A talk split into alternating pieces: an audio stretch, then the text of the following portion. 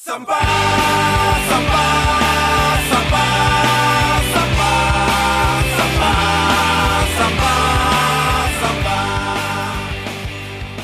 M-Wave yang menggali, kalian bebas beropini. Kembali lagi bersama gue Bobby Mandela di M-Wave episode ke-15 Dan seperti yang kayak kemarin episode sebelumnya eh, Episode ke-15 ini kita nggak di Jakarta Tapi kita bermain di Pulau Dewata khususnya Jadi sekarang kita akan digging lebih dalam Siapa-siapa orang-orang di Pulau Dewata ini Salah satunya adalah pasti orang-orang yang sangat menarik ya Di dunia bukan hanya di Bali tapi di Indonesia keseluruhan nih sekarang gue lagi berada di Ubud di rumahnya rumahnya Gede Robi. Cie. Gila luar biasa. Halo, Bli. Halo Bob, Ini rumahnya enak banget ya. thank you ya. Ini rumahnya kalau kampung. Asli. Ini kita rumahnya di kayak ini rumah apa ya? Rumah panggung ya. Ya ini ini sebenarnya rumah rumah rumah tua sebenarnya. Rumah tua nih? Rumah tua ini kalau dibilang kan kalau biasanya kalau rumah-rumah tua itu kan ada rumah joglo, ada rumah limasan, ada terus rumah Cina. Nah ini rumah Cina. Hmm. Oh ini rumah Dibilang. Cina. Iya ya. Sampai kayu-kayunya juga kayu dari zaman lama Ah, nih ya. udah, ya, kayu udah ulin ya. ratusan tahun. Jati jati. Oh jati, oh jati bahkan Iya. semuanya nih. Ini bangun dari nol atau udah dari gini? Eh, enggak ini dulunya kan ya ngumpulin udah lama sih, ngumpulin munuh-munuh kayu-kayu bekas. Iya, kayu bekas. gitu kan. Bekas rumah. eh, dirakit jadi kayak gini. Dirakit jadi kayak gini. Wah ini luar biasa Terus kalau ke bawah juga di depan di, Gak tau di depan atau belakang Di belakang ya hitungannya itu ada kebun ya Ada kebun ya. Kebunnya apa aja tuh tanam? Ya, yang sehari-hari kita pakai aja. Tomat. Oh, buat selada, dapur? Ya. Jadi rata-rata ambil dari sini cabe. Ya, yang yang yang ada pas ada aja. Ya pas ada aja diambil gitu aja ya Ya, terus ya itu min gitu kan karena suka minum Iya, iya. alkohol kan. Nyampur. Ada buah kejubung juga tadi saya lihat enggak ya? ada di situ bunga Oh, ada trompet. ya? ya. Bunga trompet ada ya di situ ya? Kalau di rata-rata kalau di kampung-kampung sini bunga trompet. De- Devil's trumpet tuh Jangan dikonsumsi Itu agak Jangan, bahaya jangan, kalau iya. gitu Yang yang dikonsumsi aja Terus jadi gini beli Tadi kan eh, kita di sini eh, MWF ini nginep di Umalas. Ada satu villa di situ. Terus tadi pas kita lagi eh, breakfast Si Rio nih produser saya nemukan buku nih. Eh Bob ini buku menarik deh gitu. Pas lihat buku ini tuh yang ternyata yang bikin adalah Saras Dewi Ini eh, istrinya Coki, Coki Netral. Sebenarnya buku filsafat sih Buku ini ek- ekofenomenologi. Wah, ini kata-kata yang nggak pernah gue pakai. At least 6 tahun terakhir gue nggak pernah nih pakai kata-kata itu tuh. Ilmiah, ilmiah banget Ilmiah ya. banget ya. Ekofenomenologi mengurai disequilibrium relasi manusia dengan manu, dengan alam. Disequilibriumnya gue nggak tahu artinya apa. Jangan-jangan kalau nggak skripsi tesisnya dia ini. Ini bisa jadi nih. Cuman yang, yang di belakang ini menarik nih beli. Pas gue lihat belakangnya ini beli ada gerakan ekologi dan etika lingkungan telah dengan tepat menunjukkan berbagai kerusakan alam dan kemerosotan lingkungan hidup akibat aktivitas-aktivitas manusia yang mengutamakan kepentingan dirinya sendiri. Pandangan dunia yang antrop antroposentrik dituding sebagai pangkal ketimpangan relasi antara manusia dengan alam sekitarnya. Ini pas gua baca ini buku ini, oh kita mau ke tempatnya Robi, pas banget nih yang harus diomongin. Dan kita sekarang pengen ngomongin Gede Robi sebagai seorang petani. Iya. Emang petani kan? Iya. Petani, Petani. Karena memang keluarga kan, keluarga turun temurun dari kakek berarti. dari dari buyut. Dari buyut. Itu nama tanah kebunku itu yang sekarang kan warisannya kan eh, larinya ke kita kita. Iya. Cuma bedanya kita ndak jual, tapi kita Oh, perluas itu. Ada iya. uang dikit, makanya aku ndak punya tabungan karena ada uang dikit aku pakai beli lahan Oh perluas. gitu. Expand terus ya. Ya, nah itu itu nama-nama kebunnya itu Hmm? Lot Jaling itu dari kakek buyutku, kakek buyutku namanya eh, kakek Jaling. Kakek Jaling. Oh jadi tuh dari Dari dia yang buka lahan dulu. sekarang beli Robi yang megang. Iya. Sekarang gimana tuh? Berapa turunan? Eh, pertanian di sana ya kopi ya Kebanyakan kopi karena itu kan ada di daerah Tabanan. Aku sendiri tinggal di Ubud, Ah. kan, keluargaku di sini. Tapi sebenarnya eh, aslinya dari daerah Pupuan, Tabanan. Tabanan itu bisa dibilang lumbung berasnya Bali. lumbung berasa Bali Tabanan Lumbung makanan lah. Ah, Jadi ah. semua pangan itu kebanyakan dari situ. Mat- eh, gunungnya juga mat- kompleks mata air itu banyak dari daerah situ kan. Jadi irigasinya bagus. Biasanya di mana ada sistem irigasi yang bagus secara alami, biasanya pertanian juga tumbuh di situ kan. otomatis ya Otomatis. apalagi ada abu vulkanik dari Gunung Agung segala macam itu gunung api purba juga batu karu. ada di kan. situ ya Ada. menunjang sekali berarti eh, alamnya juga menunjang untuk itu s- eh, terus kalau tadi dibilang kebanyakan kopi berarti ada lain selain kopi di situ eh, banyak kopi eh, selain kopi ya. Itu dari kalau kalau kopi mah dari zaman Belanda ya. Ah. Cengkeh, cak- Ah. coklat gitu tanam-tanaman yang umum untuk sentra perkan per- apa agrikultur skala besar gitu. eh, macam-macam sih. Ya, yang yang yang ya, vanili Vanili ada juga ada sini dari ya. situ. Ya, di samping buah-buahan, beras ya. Jelas beras masih paling besar dari Tabanan. Nah, kehidupan petani itu bagaimana sih beli? Soalnya kalau kita ngelihat nih kan kayak beli Robi nih petani, tapi kan juga musisi juga. Eh, jarang sih eh, saya melihat kehidupan petani seperti ini nih, ya, yang tato. Gak ada, bisa gak ada bilang- petani yang di endorse gitar, nggak ada. Harusnya di, di eh, endorse Traktor lah. Arit. Nah, arit gitu tuh. Atau Tambah palu. palu. Sosialis banget. Sosialis jadinya. Eh, eh, terus eh, eh, sebenarnya sih kalau kita lihat ini kan budaya Bali ya ngomong Iya. tentang budaya Bali karena saya orang Bali kan. Iya. Sebenarnya kalau kita mau cari intisari atau et- eh, esensi dari budaya Bali ada budaya agriculture. Udah pasti. Iya, kalau Indonesia lah in general ya. Nenek moyangku seorang pelaut dan nenek moyangku seorang Petani. Petani gitu loh. Pelautnya karena mungkin ya ada di kita lebih banyak ada, ada banyak garis pantai, ada banyak wilayah perairan. Tapi sebenarnya ya Jawa, Sumatera, Bali ya memang budaya pertanian, agriculture. Nah, itu nah kalau kita lihat kan sebenarnya kalau kita ngomong tentang pelestarian budaya, berarti sebenarnya harus kuat di sini dong Indonesia Iya, kan. Harus kuat di pangan apa semua. Hmm. Which is actually kalau kalau ke desa-desa itu sebenarnya kuat banget di pangan, Hmm. tapi ada semacam perubahan mindset untuk generasi muda sekarang, tidak terlalu tertarik sama dunia pertanian. Yap. Karena apa? Karena memang ada identik dengan poverty, identik Ya. dengan kemiskinan, susah. Ya memang mungkin karena ah, kalau pikir ada sasa- salah tata kelola menurut saya. ya. Salah tata kelola. Itu seharusnya kan dengan identitas budaya Indonesia sebagai bangsa petani dan kalau kita ingin berkembang pertumbuhan ekonomi gitu. Ya seharusnya kita kuat di sini gitu. Itu berarti harus ada keberpihakan ada ada prioritas untuk memberi subsidi lebih pada petani memudahkan pekerjaan itu. Jangan menjadikan petani sebagai pembeli gitu loh tapi dukung petani sebagai produsen gitu loh. Sekarang pembeli ya jadinya ya. kalau bisa dilihat ya, bu- bibit aja petani bikin sendiri bibit kalau nggak tersertifikasi susah ya bisa berurusan dengan Oh, hukum harus ada gitu. sertifikasi segala ya. Nggak apa-apa aja sertifikasi tapi ya, ya dukung petani untuk permudah dia untuk membuat sertifikasi. Misalnya petani di Sumatera di pedalaman jauh untuk bikin sertifikasi harus datang ke Jakarta, ke gitu. Bogor atau ke mana Iya, iya, untuk iya, bolak-balik bolak-balik ya susah ya. Maksudnya ya harus harus di, di, di harus jemput bola Iya iya iya. kasih dia permasalahannya apa kalau sampai dia dukung dia bagaimana caranya bikin pupuk sendiri benih sendiri kalau ada benih lokal ya diperbanyak pemuliaan benih tujuannya kan pemuliaan benih itu artinya kan Iya, iya. benih itu di, di, dimuliakan artinya di, dikembangkan dari benih asli gitu loh bukan bukan bukan membuat mereka yasa benih agar petani beli terus gitu loh Iya, itu iya, kayak so- iya. kita beli software gitu loh Iya, update iya, terus iya, gitu. update terus lo harus beli yang ini gitu-gitu tuh. Betul.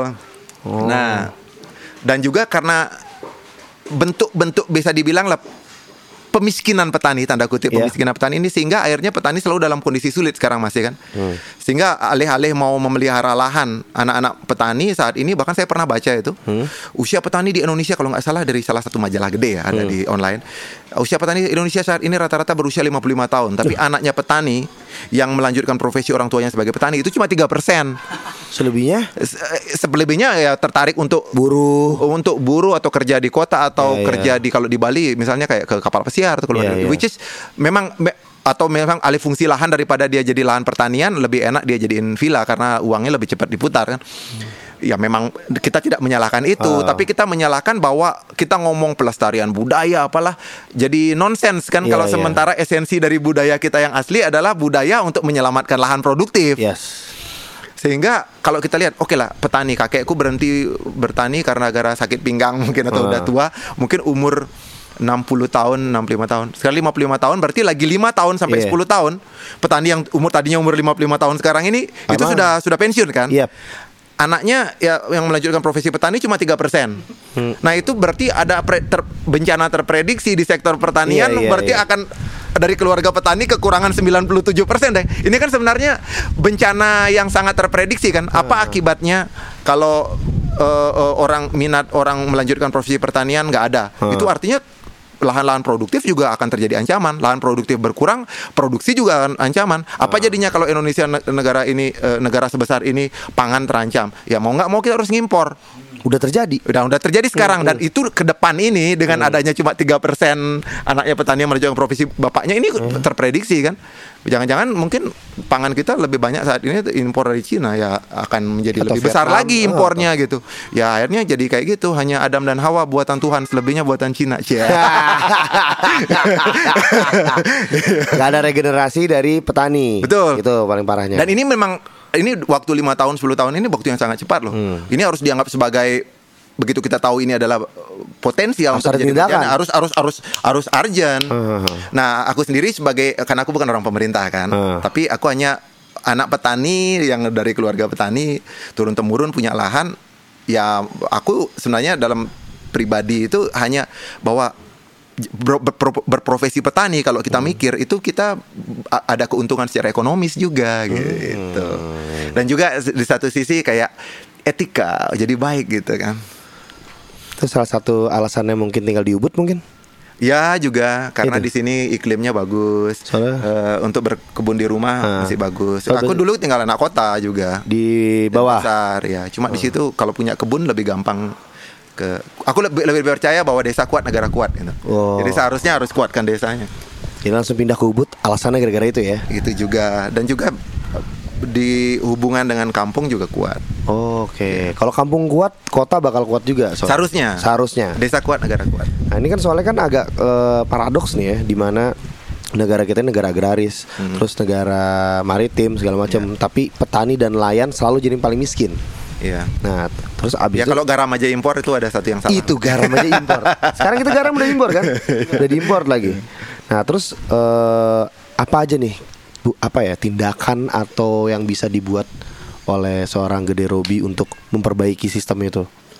kalau sistem mungkin terlalu besar ya. Oke. Kalau aku lebih ke ke kalau aku lebih ke karena masih anak muda, jadi sebisa mungkin dengan cara-cara yang aku bisa lah lewat Hmm, musik, lewat musik. lewat film, berusaha sebisa mungkin untuk eh, eh, menginfluence orang untuk walaupun dia tidak jadi petani gitu ya, tapi setidaknya karena aku ngajar juga kan, aku Iya. ngajar permaculture di beberapa sekolah internasional. Nah, eh, setidaknya lebih ada atensi dikit. Jadi ke ke untuk mendukung pertanian. Bisa Jadi bilang ini kayak clickbaitnya buat supaya lebih lebih dalam. Betul dan juga misalnya kayak ngomong sama teman-teman yang banyak sekarang teman-teman kan banyak juga di industri kuliner kan. Iya. Nah kuliner ini jadi itu kan bisa kita influence Iya. juga kan untuk source beli petani untuk lebih mau- pro pada organik daripada yang pakai pesticide gitu Ah. misalnya. Ini kan sebenarnya untuk lebih atau lokal semakin dekat jarak makananmu dengan sumbernya itu jadi semakin sehat. gitu Iya. kan. Itu juga nanti kan akan membuat orang untuk memberi option bahwa lokal lebih bagus daripada impor kan gitu kan karena impor kan ribuan kilometer Hmm. Iya. ya. Dinginin dulu lagi. Iya dan fresh. baku berapa berapa Tahun. ta- iya. Tahun, berapa tahun itu Kalau at least kalau misalnya kalau bulanan gitu kan, kayak kalau kita cari yang normalnya kan bahan makanan itu cepat busuk kan. Iya, iya, kalau dia su- sudah harus berbulan-bulan bisa tahan itu artinya ada penambahan se- sesuatu kan gitu kan, jadi kualitasnya menurun. Ya itu salah bentuk. Jadi untuk itu mewujudkannya, jadi eh, beli membuat karya untuk membuat semua orang aware. Akhirnya o- orang jadi digging. Betul. Orang digging, jadi orang lebih oh gini Iya, toh. gitu. entah entah teman-teman juga banyak kan awalnya kan, kan ini sebenarnya kan hal yang bukan instan kan Hmm. Iya. dari lama. Teman-teman sekarang yang muda-muda teman-temannya kita Hmm. yang masuk di bidang politik, begitu kita ngobrol di luar, bikin program, udah udah udah udah Udah aware. familiar dia. Hmm. Akhirnya juga kan nanti menurutku perubahan itu terjadi apabila ada signifikan apa ada sinergis antara perubahan signifikan itu terjadi apabila ada perubahan yang sinergis antara pemerintah, masyarakat, kalau di Bali ada masyarakat adat juga dan corporate. Hmm. Corporate. Gitu. Ini entrepreneur yang gitu-gitu. Kalau sudah aware, aku pikir ada perubahan yang signifikan. Soalnya nih kalau bisa dilihat nih karya-karyanya si beli Gede Robi ini ya, itu tetap perlawanan. Tetap tema tetap perlawanan, cuman kan Perlawanan biasanya asik. nah orang bisa lawan pemerintah ini melawan ini melawan ini kalau ini perlawanan tentang agraria loh Iya, tapi sebenarnya bukan tidak perlu perlawanan sih. Apa? Sebenarnya kita ini i- aware hukum juga. Kita justru sebenarnya ingin pro pada undang-undang juga, karena sebenarnya kan undang-undangnya kita udah bagus tuh, Heeh. kan? Tinggal tata kelolanya aja. Iya, pasal 33 itu karena kan eh, apa mementingkan ha- hajat hidup orang banyak, Iya.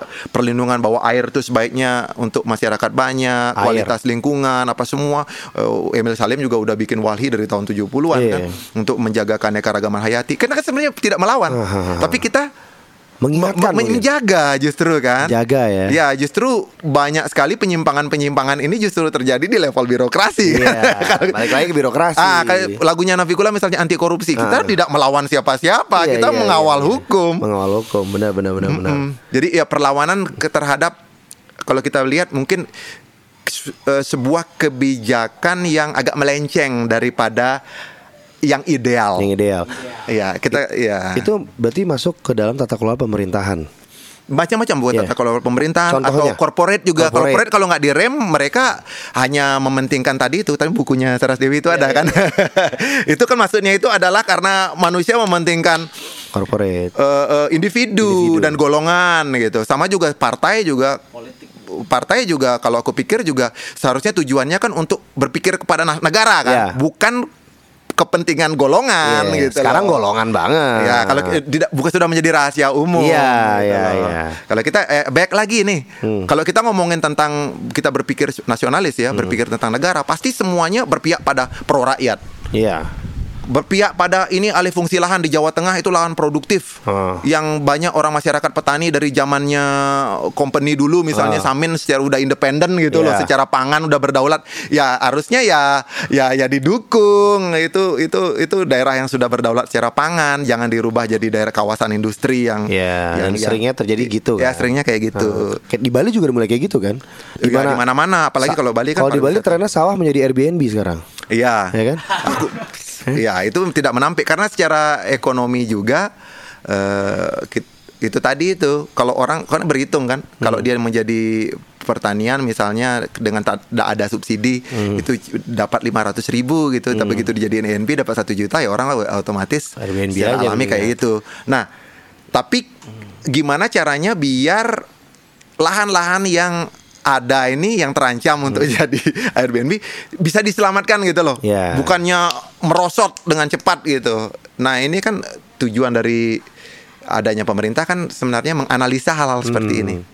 Men jadinya malah rakyat juga yang analisa kan? Ya kebanyakan sih kalau sorry to say PR-PR yang harusnya diselesaikan oleh pemerintah kebanyakan grassroots lebih cepat ya. Yoi. Termasuk urusan sampah juga kan. Ya, kalau kita ngomong sama plastik, kalau kita lihat sekarang baguslah pemerintah Ya. udah ada inisiatif untuk dan kita sangat dukung ada Bali regulasi di Bali. loh. Kemarin kita nggak dapat sedotan sama sekali loh selama di Bali. Nah itu per- untuk pergub eh, peraturan gubernur skala provinsi itu baru pertama kali di Indonesia di Bali. Di Bali ya? Ya, tapi kalau kita lihat dari grassroots ini kan sudah isu isu 15 tahun yang Iya. lalu kan. Kita enggak mau kita enggak mau ke belakang ya ngomongnya. Hmm. Sekarang baguslah sudah ada sinergi antara grassroots dan masyarakat dan pemerintah. Iya, dan sekarang juga masyarakat udah ada kesa- kesadaran sendiri ya untuk kayak Betul. misalnya beli di minimarket gitu pakai plastik oh nggak usah gitu, gitu. Cuman sayangnya masih sedikit yang kayak begitu. beli. Betul. Nah, Benar tapi ya? Hmm. harapannya kita kalau ada regulasi itu jadi masif kan. Ya, kalau Singapura juga bersih gara-gara regulasi kan. Ya, tapi Singapura kan orangnya dikit. Iya. Orangnya dikit, gampang gitu nih. Kalau kita kan berapa Iya, kalau kita memang negara besar, Nah. tapi kalau disuruh milih mau kamu mau punya negara kecil apa negara besar? Aku pilih negara besar. Iya. itu jadi keuntungan. Iya, iya, iya benar benar. Iya, eh, justru sebenarnya juga kita udah ada provinsi-provinsi, udah ada Hmm. otonomi daerah, udah ada apa semua ya. Tiap-tiap daerah harus memikirkan bagaimana mereka masing-masing dengan mem- memberdayakan kebudayaan lok dengan ke- kebijakan lokal Hmm. untuk mengurus daerahnya sendiri. Dari sini ya memang pemerintah daerahnya juga memang harus paham terhadap lokal resources Iya, gitu iya, loh. iya, iya, iya. Jangan lokal resourcesnya yang dihancurin gitu kan kayak di Kalimantan kan lokal resourcesnya ada lautan ya hutannya yang dihancurin ya aku Kalimantan pikir- parah ya. Kalimantan aku tidak parah. mau bilang ada satu sisi yang enak mau stereotip. Ah. Tapi kalau un- untuk urusan hutan, Ah. urusan hutan sih aku agak aku agak sedih. Parah beli, aku juga dikerja di situ. Apalagi Iya. kemarin berapa tahun lalu, empat tahun lalu gitu, tur yang pakai baju macan ke mana-mana. Iya, Green- sama tahun Greenpeace. 2012. Itu kan kita mendokumentasikan kerusakan hutan kan. Nah, ah, itu aku di situ juga karena. Hmm. aku dulu kerja di tempat gitu ya aku sedih sih kayak wah gue kerja Sedih tempat ini. kayak begini lagi gini. Iya benar. Karena kita udah, lu udah lihat sendiri kan. Lihat lihat lihat. Bahwa sebenarnya kalau di negara lain rainforest bisa dijadikan festival. Yoi. Ini kita rainforestnya mana gitu. Sedih sih sedih. Sedih, sedih kan? Sedih sedih. Sebenarnya sesuatu yang bisa dijual lama kita habisin dengan cepat, jual cepat, obral cepat. Obral cepat. Hanya untuk generasi sekarang. Nah. Waktu di gue waktu itu di ke Kalimantan Tengah, gue ke daerah namanya Tangkiling. Itu tuh kayak Nevada. Kayak Nevada men Itu gurun gersang. Gersang gurun pasir eh, Bekas-bekas Jadi tuh dulunya tuh pohon banyak Dibabatin sama perusahaan kertas Gua nggak usah kasih tahu perusahaannya siapa, Pulp lu tahu sendiri. ya. Ya itulah, pokoknya perusahaan kertas itu. Setelah dihabisin kayunya, nggak dia apain lagi. Iya. Ditutup lagi juga enggak. Akhirnya jadinya itu kan panas banget. Jadi kayak iklim gurun. Bat pasir, pasirnya putih men. Hmm. Pasirnya dan panas lu sejauh sejauh mata memandang itu yang lo lihat. Benar gak beli? Kamu lihat juga nggak? Iya, dan itu Indonesia bukan negara industri gede kan, tapi dia menjadi salah satu negara penyumbang emisi karbon terbesar juga. Iya. Bukan gara-gara pabrik, tapi gara-gara deforestasi, Deforestasi. pembabatan hutan. Parah men. Itu- Indonesia kekayaan Indonesia itu keanekaragaman hayati loh. Jadi kalau kita negara dengan keanekaragaman hayati yang tinggi, ini adalah aset. Lautnya kita kan paling kaya, hutan Iya. kita paling kaya. Kalau kita tidak melihat ini sebagai aset, kita hancurin ini kekayaan. Jadi Iya. kita anak orang kaya yang kita hancurin kekayaannya kita Makanya. sendiri dengan cepat. kita jadi sebenarnya ngancurin kita kita juga. Karena orang kaya yang yang menghambur-hamburkan harta warisan gitu. Kita balik ke ini lagi deh ke tadi menarik tuh sampah plastik tuh. Apalagi khususnya di Bali nih. Soalnya eh, aku pas nyampe sini kaget juga tuh ketika berawan kumisan berewokan nih minum milkshake kan kalau nggak pakai sedotan agak aneh ya, agak Hmm, harus jengat meper-meper mulu gitu kan. Minta kemarin eh, Mas ada plastiknya nggak? Eh ada sedotannya nggak? Oh kita udah nggak nyediain plastik. Oh gitu. Terus dua tempat kita udah nyediain plastik. Ternyata di Bali bener-bener segitunya ya sampai Iya, dari sejak minimarket. 2 Januari 2019. Berarti baru nih ya? Baru, berapa bulan ya? Baru Eh, baru 8 tahun ini. Baru tahun ini ya? Ya. Kalau wali kota Denpasar lu kan di Denpasar kemarin Iya. kan itu per wali sudah ketat dari 2 Januari 1 Januari 2019. Kalau di secara secara secara provinsi Hmm. itu pergub itu baru official release itu 23 Juni 2019. Oh baru juga ya. Pergub ya. Jadi sekarang udah satu Bali nih ya? Sekarang, tapi Sekarang kan satu untuk Bali. satu Bali perlu sosialisasi Iya. kan. Cuman at least di Denpasar di kota sosialisasinya udah oke. dari Januari ya. Apakah mereka akan dap- dapat hukuman gitu kalau mereka toto punya sedotan ada Kalau yang misalnya sidak? untuk masih dalam wilayah masih dalam area perwali itu mungkin karena belum perda ya perda kan masih baru ada sanksinya teguran berarti ya? ya kalau ini cara tegur macam-macam kalau misalnya kan kalau dari kalau untuk perpanjangan usaha gitu mungkin akan lebih dipersulit gitu kalau Ah, kamu tidak ya, mengikuti. ya, ya, ya, ya. Benar, benar, benar, Ya benar. kamu kalau usahamu masih menyediakan tas kresek besok-besok kita review lagi nih Iya, perpanjangan iya, usahamu kayak gitu kan. Bisa jadi Bisa kayak jadi gitu. cara jadi cara cara kontrolnya kayak Ah. gitu. Sanksinya berupa itu. Sanksinya. Terus bagaimana dengan plastik di Bali sekarang ini? Kalau plastik sih kita ngomong general itu terlalu besar ya. Hmm. Plastik juga semuanya adalah suatu teknologi yang banyak sekali yang ekonomis ya, Yep. yang berguna. Jadi kita kalau kita lihat Sebenarnya Bali sih kenapa orang milih plastik karena nilai ekonomis? nilai ekonomi. Tapi ini kita lebih fokusnya kalau kita lihat ya, itu ke plastik sekali pakai. Ya. PSP, single use plastik. Jadi itu kayak sedotan, tas kresek. Yang kalau ndak ada itu juga nggak apa-apa Iya. gitu loh. Betul, kayak misalnya beli gorengan dikasih kan apa pakai biasanya gorengan pakai kertas nggak jelas tuh, kertas bekas ujian kayak kertas apa, masukin gorengan terus masukin plastik. Pasti kasih kita, kita makan paling berapa detik doang di kita plastiknya kita buang lagi. Dibuang lagi. Kadang-kadang juga nggak perlu juga kan. Hmm. Nggak perlu. Cuma beli satu sikat gigi di minimart itu misalnya, terus eh, sampai di rumah sikat gigi kita ambil, plastiknya kita buang. Pakainya tiga menit, adanya di alam ratusan tahun. Bahkan di sikat gigi tuh kalau menurut pendapat pribadi aku nih beli ya, itu kita beli sikat gigi, itu dia ada sikat gigi ditaruh di plastik terus ditaruh di karton gitu. Itu menurutku juga agak kurang efisien. Nah di sini nanti kan tadi kita bilang itu perubahan signifikan tuh kan kalau apabila corporate juga ikut.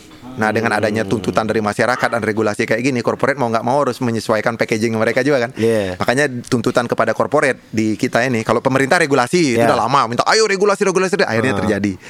Nah kalau di corporate redesign packaging, misalnya kayak botol minuman gitu, Iya. itu sebenarnya kan ada tiga jenis plastik di situ. Ada PP, ada PT, ada PVC. Kenapa nggak satu jenis saja misalnya PP gitu misalnya biar Hmm. mas, pemulung lebih gampang untuk recycle-nya nggak perlu gunting tag, nggak perlu Iya, iya, pisahin iya. capnya. Bisa. Bisa. bukannya bukannya nggak bisa. Itu bukan teknologi luar angkasa bisa. Cuma sekarang ada kemauan nggak? Atau misalnya ada kosmetik yang scrubnya pakai microbeads gitu. Yang kecil-kecil Plastik yang itu ya? microbeads. Ha, ha. Kenapa harus pakai microbeads? Kita punya biji kopi, biji aprik apa namanya? Ya biji eh, biji-bijian apalah. Tapi udah nggak ada tuh yang pakai microbit itu. Kemarin ada ada masih ada. Masih ada ya? Masih Soalnya saya ngeliat kalau di Jakarta yang pakai-pakai itu dicabut ditarik.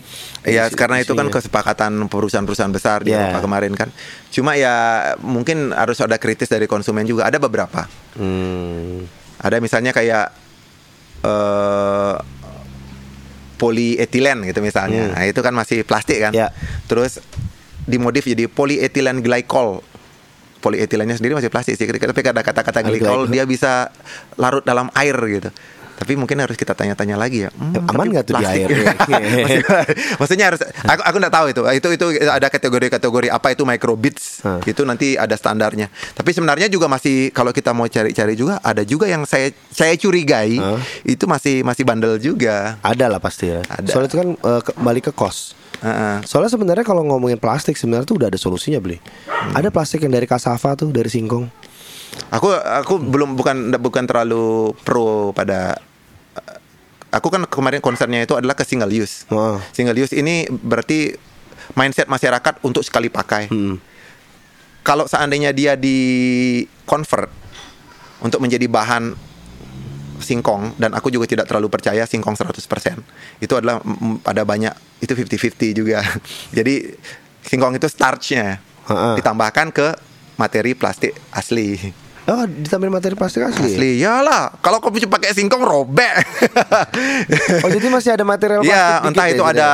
Ada oxo, ada macam-macam. Itu adalah dengan gagasan bahwa itu terurai lebih cepat. Hmm. Cuma ya kalau menurut idealku kalau ter bahaya plastik ini adalah saat dia terurai di alam menjadi Ya, mikroplastik. soalnya kemarin aku kalau mempercepat penguraian Iya. berarti mempercepat dia menjadi mikroplastik juga kan. Soalnya di kampanye yang aku lihat dia plastiknya ditaruh di air panas, terus Hmm. di apa namanya diaduk, akhirnya jadi mengurai, terus diminum sama dia, ramah lingkungan. Nah, enggak aku harus harus harus lihat Lihat deh, ntar lihat deh. Iya, Ada orang iya. orang Indonesia dan tuh ada dan tuh orang tahu tahu Indonesia. tahu tahu tahu eh, orang lebih pasti tahu lah. tahu dan ya itu agak pro dan kontra juga karena Ha-ha. banyak juga teman-teman suruh minum sini tak rekam minum yang yang asal plastiknya yang aku ambil dari toko Iya, ya iya, iya, iya, iya. Kalau kayak gitu mau apa enggak? Eh, dan, dan juga kalau dari penelitian eh, ga- gabungan masih ada plastik masih, Masih ada ada, eh, kimianya, kimianya. kimia dari plastik maksudnya plastik dari dari minyak ya Mhm. itu digabung dengan starch dari alam untuk mem- mencepat penguraian tadi itu dia Ya, pakai ya, air ya. panas menjadi menjadi lebih cepat terurai Ah. tapi dalam kondisinya dia ada di TPA masa kita di TPA itu disiram Oh, air iya, panas iya, gitu loh kalau dia di, di bawah tumpukan-tumpukan di laut itu misalnya kan dia Ya. mungkin masuk perutnya penyu Ah. mungkin ada simulasi tes-tes juga memang dia terurai lebih cepat daripada plastik, Plastik yang beneran, biasa ah. gitu tapi terurainya berapa misalnya 8 bulan ya penyunya keburu Iya. mati juga gitu maksudnya Maksudnya, harus iya. harus ada tesnya juga sih ya. harus ada tes dan juga tidak mendidik orang untuk sekali pakai tadi itu orang jadinya kan Tetep. aku tetap mau pakai sekali pakai nih jadinya kan tidak mendidik orang untuk Walaupun ramah lingkungan tapi ini, ini sekali gitu. pakai Iya, juga sekali gitu loh kan tujuannya Mungkin kita, kita, harus adalah balik kayak ke 30 tahun lalu ya yang Bukan, ketika ibu-ibu kita bawa tas keranjang ke pasar dan dia pakai tas itu terus. Aku tidak menyuruh orang tiba-tiba harus rame-rame pakai daun pisang nggak juga loh maksudnya walaupun itu sebenarnya Itu ada solusi loh. solusi, ada Solusi solusi, loh betul. Cuma dengan skala yang besar apa semua sekarang kalau ada option itu kamu tinggal di desa yang udah punya daun pisang kenapa harus pakai plastik gitu. Iya. Tapi bagaimana dengan yang tempat yang tidak punya daun pisang gitu? Ya jangan pakai itu aja. Daun lain kayak Iya, kalau kita sekarang kan eh, pemerintah sendiri juga udah ada target untuk pengurangan plastik sebesar 70%, targetnya adalah 2025 kan. Ah. Ya, itu kan banyak solusi-solusinya di situ adalah kayak recycle Hmm. atau sistem pengumpulan sampah. Ya, aku pikir bagus juga perlu dilakukan. Tapi itu kan setelah menjadi plastik. Iya. Sementara kita sepakat bahwa reduce dulu. Hmm. Kalau udah nggak bisa reduce, baru reuse, pakai kembali berulang-ulang sampai dia hancur banget. Jangan sekali pakai. Iya. Sudah nggak bisa, begitu ada di alam baru kamu recycle. Hmm. Jadi jangan recycle dulu. Ini ini bisa di recycle. Ini bis, ini, ini ini gampang terurai, bukan itu. pakai dulu aja. Reduce dulu, Iya, iya, jangan iya. jadiin sampah Kurangin dulu. dulu, Kalau iya. pelatas kresek itu nggak perlu, jangan pakai. Kalau sedotan itu nggak perlu, jangan pakai. Hmm. Ini yang kita push dalam regulasi. Dengan adanya recycle pun sebenarnya aku sendiri aku pendukung recycle. Aku punya tato recycle di kaki Iya. kan. Udah dari tahun kapan aku punya Iya. gitu. Aku mendukung itu. Tapi itu setelah menjadi sampah. Oh. Setelah kamu pakai berulang-ulang. Harus. Tapi sebelum itu kamu jangan pakai dong supaya dia nggak ada jangan bawa tas kresek itu pulang supaya di ke tempat sampah di rumahmu nggak ada kresek gitu loh. Ah. Reduce dulu. Hukum di Indonesia harus reduce dulu. Jangan nggak usah ngomong-ngomong recycle juga itu juga Recycle pikir- terakhir. Iya dan juga itu ag- agak semu juga gitu Iya, membuat iya, orang merasa lega bahwa aku pakai ini dan bebas aku pakai kan bisa di recycle. Ya negara-negara maju juga orang juga berpikir kayak gitu dan toh juga nggak bisa mereka recycle akhirnya dikirim ke Indonesia juga plastiknya. Iya. Oh. Oke, terus sekarang hubungannya plastik dengan pertanian tuh gimana tuh, Rob? Eh, sebenarnya ini ada kaitannya ya. Hmm. eh kalau kita di pertanian tuh kan kalau aku pertanian organik kan. Aku sering ngelihat pertanian kayak di Jawa atau di mana kayak di Hmm. Wonosobo gitu-gitu. Aku ngeliat itu justru kok ini plastik dari ujung ke ujung Hmm. ditaruhin plastik gitu terus baru ujung dibolong-bolongin. Aku pikir oh ternyata Hmm. Untuk tanam di cabai itu biasanya. Nah kayak gitu ternyata di pertanian butuh plastik juga tuh. Iya, tapi biasanya mereka juga harusnya bisa itu untuk sistem yang dipakai berulang-ulang kan. Kalau sudah tanam, dicabut lagi plastiknya dipakai untuk berikutnya. Harapannya aku kayak gitu. Tapi sebenarnya itu untuk mencegah tugas mulsa sebenarnya. Mulsa ini adalah penutup tanah biar tanaman-tanaman lain gulma yang tidak diharapkan tidak Oh, nggak- nggak tumbuh di gitu. situ, makanya ditutupin. Pakai plastik Oh, gitu. Tapi iya. kalau kita pakai gulma, pakai sampah, Hah? pakai potongan jerami, pakai apa semua juga bisa kan kita tutupi tanahnya itu kan.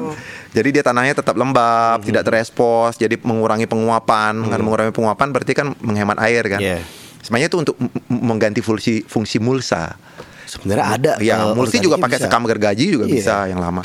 Itu kan masalah ekonomis. Nah, tapi kalau aku sendiri eh, hubungannya dengan plastik itu sebenarnya kan kalau aku dari dari di rumahku udah terbiasa misain sampah Hmm. karena kita punya kebun.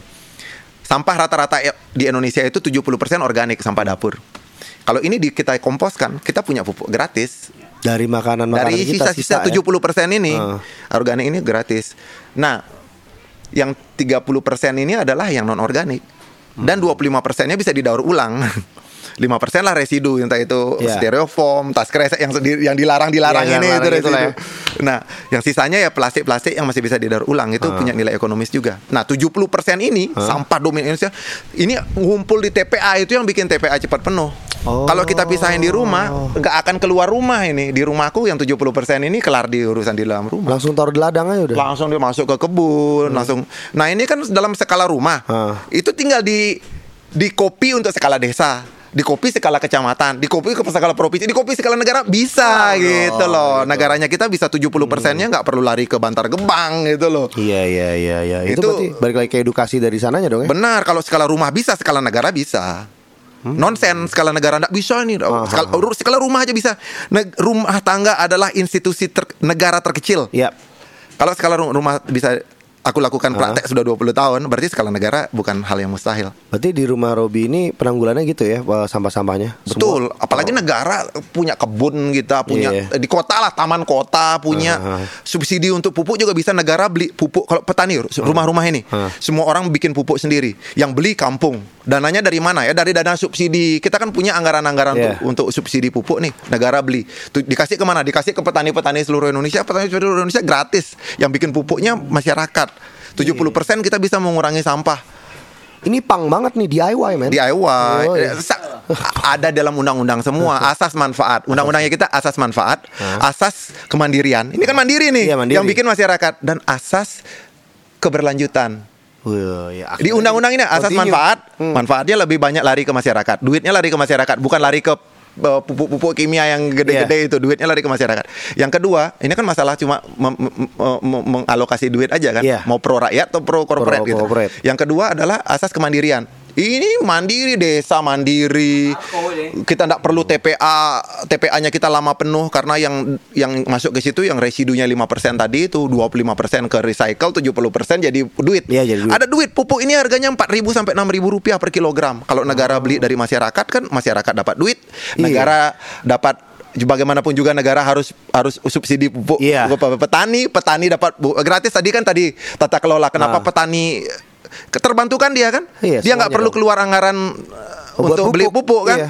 karena apa negara subsidi subsidi negara lari ke mereka Hmm, uangnya balik lagi. Lalu orang balik lagi muter-muter ke kita masih lari lari ke masyarakat. Ini yang aku bilang kayak sil- circular ekonomi yang sebenarnya, bukan circular ekonomi greenwashing yang dibuat-buat hanya untuk agar orang bisa tetap memproduksi plastik. Ini bisa di recycle. Oke, berapa persen kamu recycle? Iya. Selebihnya ada di pantai kok. Saset, siapa yang mau ngumpulin saset? Iya. Sedotan, siapa yang mau ngumpulin sedotan? Kamu bilang bisa di recycle, bisa di recycle, tapi dia tidak layak karena apa? Karena tidak punya value ekonomi. Tidak ada pemulung mau ngumpulin karena terlalu murah Iya, yang ada di- jadi makanan jadi penyu. jadi kita jadi uh, yang orang bersih bersih pantai itu aja Iya. nggak usah muluk muluk apa yang kalian temukan tas kresek sedotan ya udah dilarang aja nggak usah dengan berdalih ini kita bisa recycle dengan alasan Itu agar bisa ada, memproduksi gitu. terus Iya. Ngomongin pantai bersisi Oke. pantai biasanya ketemunya puntung rokok. Oke. Nah, ini ada obrolan nih sebelum kita on air tadi, kita ada obrolan nih eh beli Robi sama beli Detu nih ada obrolan tentang masalah. Designated smoking area. Yes, ya, tuh, itu gimana tuh? Baru nih ya? Sebenarnya pemerintah juga udah ada itu bahwa eh, eh, eh, eh, harus ada konsentrasi konsentrasi tempat yang misalnya kalau orang rokok nggak boleh sembarangan. Itu Kayak di. Singapura gitu. Di, di kota-kota maju lah. Ya, ya. Itu kan kita nggak bisa ngerokok ngawur. Iya, memang Indonesia memang seharusnya kayak gitu. Nah itu kalau itu kan eh, eh, sebenarnya udah ada designated smoking area. Karena memang juga gencar untuk mengurangi pasif smoker Ya. gitu biar orang yang nggak ngerokok juga gitu.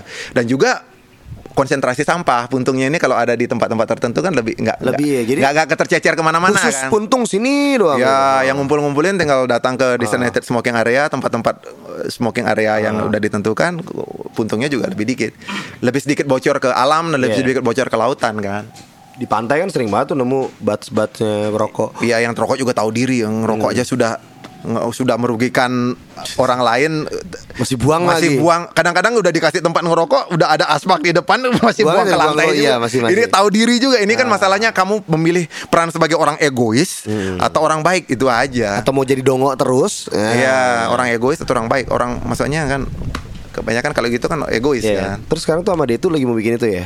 ini ada project side project, project, side project lagi nih. Belum Iya. lagi belum lagi digodok atau Udah udah udah kita ngomong dengan beberapa bupati-bupati di Bali. Ntar lagi eventnya mungkin bulan depan bulan keluar Hmm, ada udah nih. ya? sosialisasi. Kayak apa tuh nanti? Ya sosialisasi ke masyarakat untuk sebenarnya peta-peta di designated smoking area di, di pemerintah udah ada. Hmm. Cuma kadang-kadang kendala mereka adalah sosialisasi.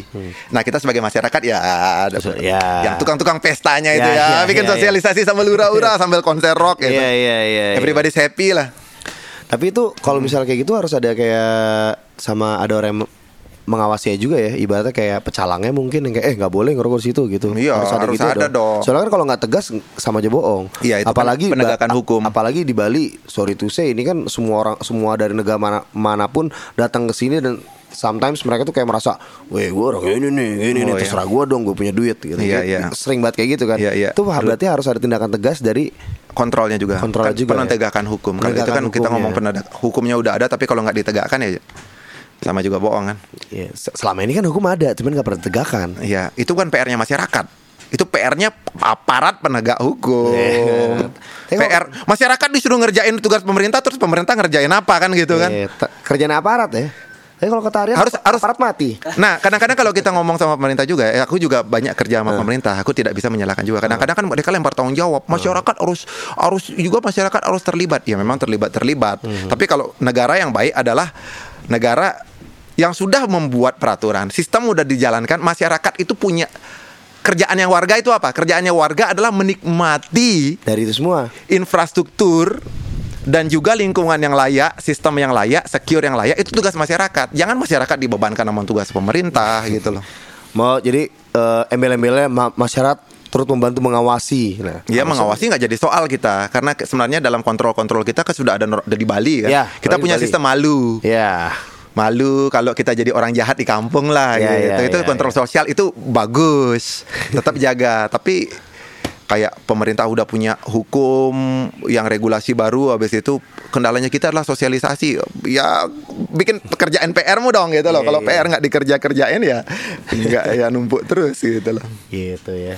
Kurang lebih kayak gitu lah Kurang tapi kita gitu. sebagai aku sendiri sebagai masyarakat sipil sangat mendukung kerja pemerintah Iya. sangat mendukung kerja corporate yang punya responsible ya yang yang yang maksudnya yang kind company gitu. Tidak semua corporate jahat, banyak company yang Ada yang- bagus ada yang bagus ya. Banyak seperti tadi ngomong microbits, banyak sekali corporate yang mikro anti microbits. Oh ada ya. Banyak. Berarti nggak semua, cuman Nggak semua. mungkin karena media jadi set, jadi ke sana semua jelek gitu. Iya, padahal enggak banyak juga. juga. Enggak semua investor jahat, banyak juga investor yang baik. Hmm, Iya iya iya. iya. Kita enggak bisa stereotype gitu loh. Isu sampah juga banyak juga orang dari luar juga. Iya eh, orang yang kita. walaupun dia produksi plastik tapi dia juga berjuang keras untuk mengatasi masalahnya mereka. Mereka sadar Hmm. juga bahwa mereka bagian dari masalah dan akhirnya sekarang berpikir tentang solusi. Gitu. Untung makin semoga ya banyak yang kayak gitu ya. Harus. Harus. Nah di sini regulasi remnya. Ah. Regulasi kalau nggak ada regulasi pemerintah eh apa eh corporate yang mau cari yang paling gampang aja. Iya. Iyalah, kalau bisa nggak bayar pajak nggak bayar pajak. Iya, kalau bisa masih jualan saset, jualan saset. Iya. Eh, gitu. Bodoh-bodohin aja terus masyarakatnya. Eh, terus oh pengen balik lagi nih nih. Tadi kan kita eh, sebelum bahas pertanian ada sebut tadi perma Permaculture. Permaculture. Itu apa sih beli permaculture? Itu kan salah kurikulum aja sih. Itu, Itu, yang sampai ke. India itu ya? Nah itu beda. Itu Kalau beda? di India Kalau permaculture tuh permaculture tuh aku ngambil sertifikat. Itu gara-gara aku dulu tahun 2005 itu aku sempat kerja untuk freelance untuk satu LSM di Bali, IDEP Foundation Hmm. tuh bekerja di bidang permaculture juga. Aku garap buku permaculture pertama di Indonesia waktu Oh, gitu? itu. Ya, jadi aku baca sampai A sampai Z, editing, translating. Hah. Uh, tertarik juga nih. Ini karena ini adalah pengetahuan-pengetahuan yang sudah dari zaman kakek-kakekku udah tahu. Aku pingin nih masuk di kurikulum sekolah nih. Ah. Indonesia kok nggak ada di kurikulum sekolahnya, at least untuk ekstrakurikuler Iya gitu loh. iya iya. Ternyata untuk mengajar permaculture kamu harus punya sertifikat permaculture internasional. Akhirnya aku apply cari beasiswa, punya. Sekarang aku udah punya sertifikat. Di mana tuh ambilnya? Sebenarnya yang ngeluarin Australia sih, Oh, tapi Australia. juga ada kursus-kursus di Bali sekarang di Indonesia yang yang yang yang bisa gurunya didatangkan ke sini. Gue datangkan ke sini ya. Akhirnya bertahun-tahun berkutat di bidang edukasi pertanian organik, permaculture bla bla bla. Akhirnya satu kali aku dapat kesempatan untuk dapat beasiswa. Nah. dari Nafdanya University di India. Oh, Vandana India. Shiva. Nah, ini tokoh salah Iya, satu tokoh hardcore di kedaulatan pangan internasional Nasional kan. ya. Nah. Dia cari 10 orang yang dari petani, petani yang ber- atau bergelut di terkait di dunia pertanian Agroekonomi di Indonesia. Agroekologi. Agroekologi. si- dari masalah eh, pemuliaan benih, proteksi benih, tadi itu memposisikan petani sebagai produsen bukan sebagai pembeli.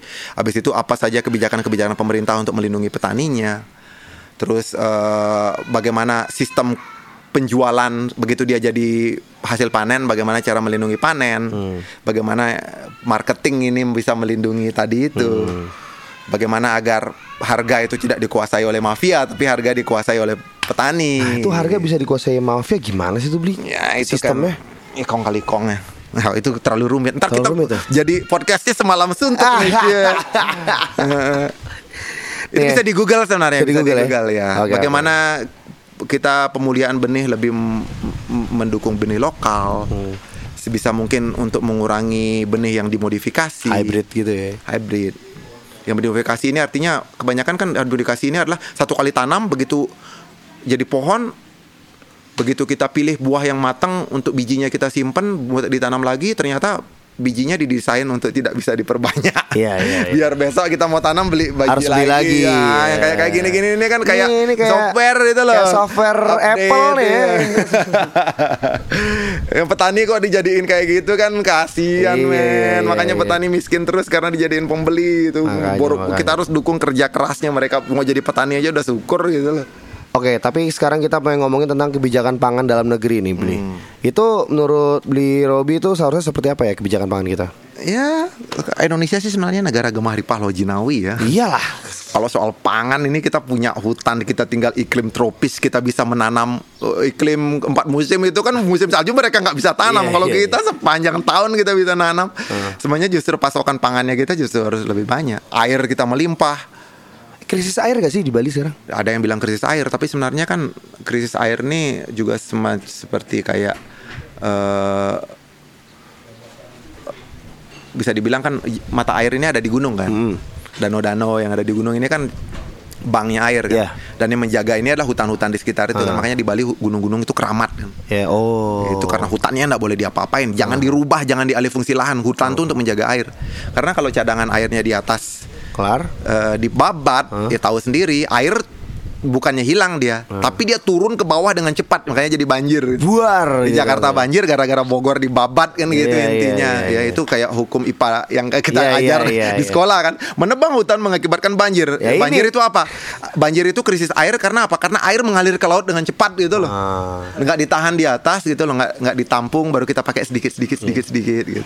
Tapi mungkin kalau eh nggak tahu ya, ini pendapat pribadi ya. Mungkin kayak kalau misal di bawah nih kita lihat Denpasar segala macam banyak hotel, banyak apa segala macam itu kan resapan air ngambil tuh. ngambil juga Ngambil banget tuh. corporate juga harus ya Nah, kan nih corporate corporate juga juga, kan Oh, corporate ini kalau aku sendiri sih idealisku kan tapi karena ini sudah terjadi aku juga tidak tidak mau memblaming siapa-siapa karena ini kebijakan banyak kan ada pasal 33 bahwa Hmm. ap- apa yang menguasai harkat di orang banyak harus dikuasai oleh negara dan dipergunakan sebesar-besarnya untuk kepentingan rakyat kan Hmm. kalau kita pikir air itu salah satu yang paling penting ya harusnya negara dong Iya sih. masa negara dengan air yang paling banyak kayak gini Iya. Ya misalnya kayak perusahaan negara itu kan perusahaan air minum kan. Iya. Lu berani minum nggak airnya? Enggak. eh, jangan pakai namanya air minum dong, Iya. namanya air mandi dong. Iya. Karena masyarakat di sini sebenarnya ada perlindungan konsumen, masyarakat juga bisa nuntut kan. Airnya kok nggak bisa aku minum kan gitu. Tapi namanya perusahaan air minum. Ya, iya, iya. itu tapi kan itu sebenarnya agak- kalau kalau aku pikir kalau Ah, idealnya iya. itu adalah aku pikir ya menipu konsumen juga gitu loh. Lu bilang bisa diminum ternyata kadar klorinnya lebih tinggi. Iya. Rebranding lah, Pam. Iya, iya. Iya, maksudnya gitu. Aku tidak mau menunjukkan menuding siapa-siapa kita semua udah tahu gitu. Iya, iya emang udah gitu sering Dan mati. ya. masyarakat juga harus cerdas kan, kritis. Kalau yang gini-gini masyarakat diem gitu loh. Begitu ngomong soal isu agama aja ya absurd, ributnya minta ampun. Begitu ngomong soal air, Nih ngomongin Diam. ngomongin isu agama dan segala macam atau isu apa tuh eh, sangat lengkap dengan SJW nih sekarang nih sosial social jujitsu warrior salah ya social justice warrior ya nah, eh, berarti sebagai- udah terjadi kesalahan prioritas. Mana yang Iya. prioritas? Menurutku sih, menurutku air isu prioritas gitu. Loh. iya. Kalau untuk urusan mo- moral, etika atau urusan janji surga dan lain-lain itu urusan pribadiku sama sang Khalik ya. Iyalah. Nggak usah nggak usah diatur-atur lah. Nggak usah diatur-atur Tapi kalau air perlu diatur lah oleh Ya negara. karena itu air utama manusia butuh air men Hmm. Air dan makanan Diri kita tuh berapa persennya air Gue lupa berapa persennya Iya ya. Eh, 70 persen. 70 persen air loh sekarang kalau air gak ada sebenarnya iya setelah, setelah dipikir-pikir sampah plastik segala macam air kok nggak kepikiran Gitu, Iya, kalau eh, itu- aku, air. aku ngomong sampah plastik ini juga karena mencemari lautan. Iya. Karena negara Indonesia negara terbesar kedua di dunia setelah Cina Hmm. yang sampahnya itu bocor ke lautan, terbesar penyumbang sampah ke lautan terbesar. Kalau laut wilayah perairannya kita udah tercemar plastik, Hmm. limbah plastik dan mikroplastik, ini ancaman bencana prediksi tadi itu. Hmm. Indonesia sangat bergantung pada sektor perikanan. Indonesia sangat bergantung pada hasil laut. Sekarang kalau garam aja sudah tercemar sama plastik, lu mau jual apa? Iya.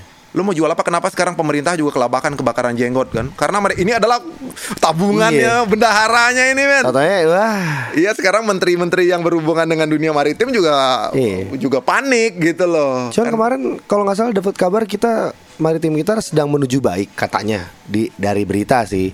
Terus kan isunya luas juga. Apakah Ah. itu bahwa kapal asing berkurang? itu kan dalam dalam satu poin kan. ya, terus katanya sekarang kita adalah penyumbang tuna terbesar untuk Jepang dan Eropa. Bagus lah. Maksudnya penyumbang tuna terbesar kita tidak jadi masalah ya. Hmm. Itu ada beberapa kebijakan-kebijakan aku nggak lihat apa semua itu bukunya udah ada kan ada kayak kebijakan IJPA itu kan kayak International Japanese Economic Hmm. Partnership Agreement itu apa semua 80% hasil laut kita disumbangin ke Iya. luar negeri apa semua. Sepasi itu masyarakatnya kenyang dulu. Nah, iya. Surplus baru kita ekspor nggak jadi masalah. Nih, masalahnya Tapi gini. kalau kita ekspor banyak tapi masyarakatnya kita kurang gizi, Betul. Berarti kita harus juga ekspor jalan terus, tapi bagaimana caranya ekspor itu adalah surplus. Masyarakat kita kenyang dulu, masyarakatnya kita nggak kekurangan protein, masyarakatnya kita nggak kekurangan kekurangan Apa pun eh, hasil laut. Iya. Ada semua hasil laut itu adalah seharusnya murah di Indonesia, Iya. karena itu adalah hasilnya kita. Iya. Jangan sampai hanya orang kaya di Indonesia yang makan ikan segar. Ya karena pas itu agak gimana ya pas saya dengar ya. Ih, kita adalah pengekspor tuna ke Jepang dan ya, Eropa. Cina, Gila, men. Cina, Jepang, Cina, Prancis. Hmm. Cina, Jepang, Prancis juga ya.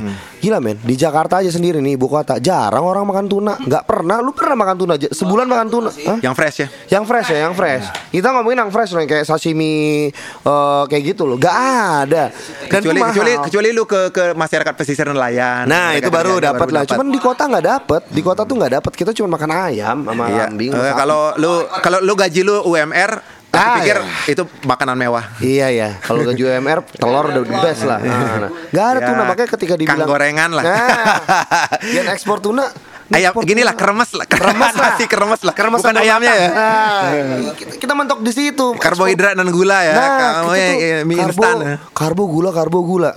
Iya, makan daerah stunting tinggi di Indonesia. Iya makanya. Itu baik isu lagi, isu lagi. Itu bukan dengan ke- kedaulatan pangan lagi. Iya iya itu udah udah mulai meluas ini nih. berarti. Oh. Terus Berkaitan sih sebenarnya cuma lebar ntar. terus sekarang ini nih eh, tantangan kaum milenial dari lingkungan. Menurut Beli Robi bagaimana nih kaum kaum milenial sekarang tuh harusnya kayak gimana sih? Iya, Ini soalnya kan isu kau- lingkungan sih informasinya ada banyak ya. Soalnya banyak poster juga beli, Hmm. poster-poster sok-sok pengen jadi organik gitu-gitu. Sosial itu mereka yang Social kayak justice warrior. Social justice warrior itu tuh, itu tuh menurut saya banyak yang dalam tanda kutip poster kayak mereka tuh kayak tren aja ya. tren kayak lu kok nggak pakai eh, sedotan plastik sih Bob? Eh lu kok nggak pakai sedotan besi sih Bob? Gue udah bawa nih ke mana-mana sedotan besi. Terus dia, kayak lu dulu nggak gini, gue tahu lu lagi gini, gini gini. Cuman mereka jadi kayak merasa lebih jatuhnya jadi lebih snob di bidang lingkungan hidup. Ah gitu. Itu gimana Aku, tuh? ya nggak jadi Itu masalah. baik atau buruk? Ah, aku melihat dari sisi baiknya aja ya. Ya. Sisi baiknya kalau mereka itu menganggap sebuah perubahan perilaku dan menjadi sebuah itu ya sah-sah aja sih. Tapi aku nggak bisa menjudge orang ya.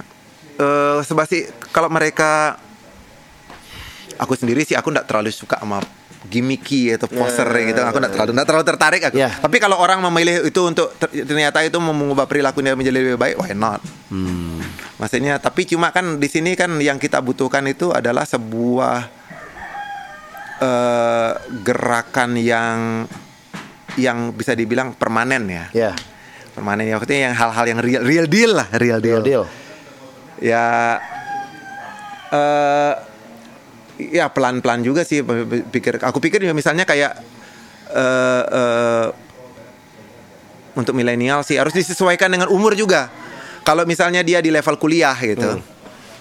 Level kuliah ya isunya aku pikir ya harus isunya yang sesuai dengan anak kuliah juga yang agak intelektual dikit kayak isunya harus mulai merambah regulasi, mengawal Maksudnya Soekarno sama Hatta dulu bikin negara Indonesia ini dan bikin konstitusi waktu mereka masih di perhimpunan mahasiswa Indonesia gitu. Iya.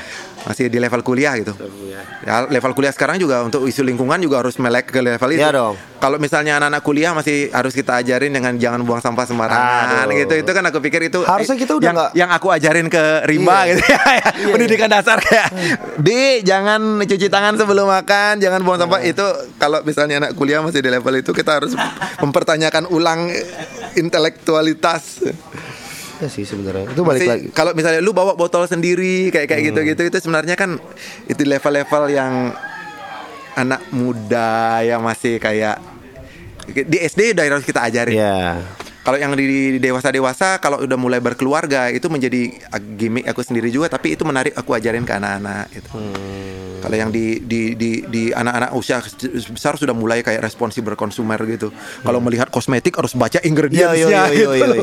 harus Banget. harus di Ah. jadi konsumen dan Ah. begitu kita memilih eh, untuk memilih produk-produk itu harus harus tahu historis produk. Oh. Harus lebih kayak gitu. Lihat ke belakang dia, dia support apa aja nih? Support set, set, set, aja, set, set, set, ya. set. biasanya tuh kenanya teori konspirasi tuh beli habis lihat wah ini produk apa nih? Ini tatu tatu tatu tatu tatu ujung-ujungnya ya Wahyudi Wahyudi juga yang disalahin. Ya, biasanya gitu kan. Wahyudi yang disalahin kayak gitu. Oh ini ternyata Freemason tau. Wah gila. Iya, kalau Perasaan itu- gue cuma pengen lihat ingredient sampo doang. Iya. jatuhnya bisa ke situ. Iya. Nah, Nah, itu, itu terus- itu sih ya. Ya, Terus- ya, intinya adalah dan dan juga lebih eh, semuanya gerakan-gerakan ini harus lebih ke solusi juga. Hmm. Karena kita juga kalau protes protes protes protes terus juga mengutuk kegelapan nggak lupa menyalakan Iya. lilin kan. Tapi eh, eh, eh, tapi kita tidak bisa menyalakan lilin kalau kita tidak tahu kegelapannya. Ya. kita nggak tahu gelap terang ya kita juga nggak tahu buat apa juga kita menerangkan Iya. kan gitu kan gitu kan.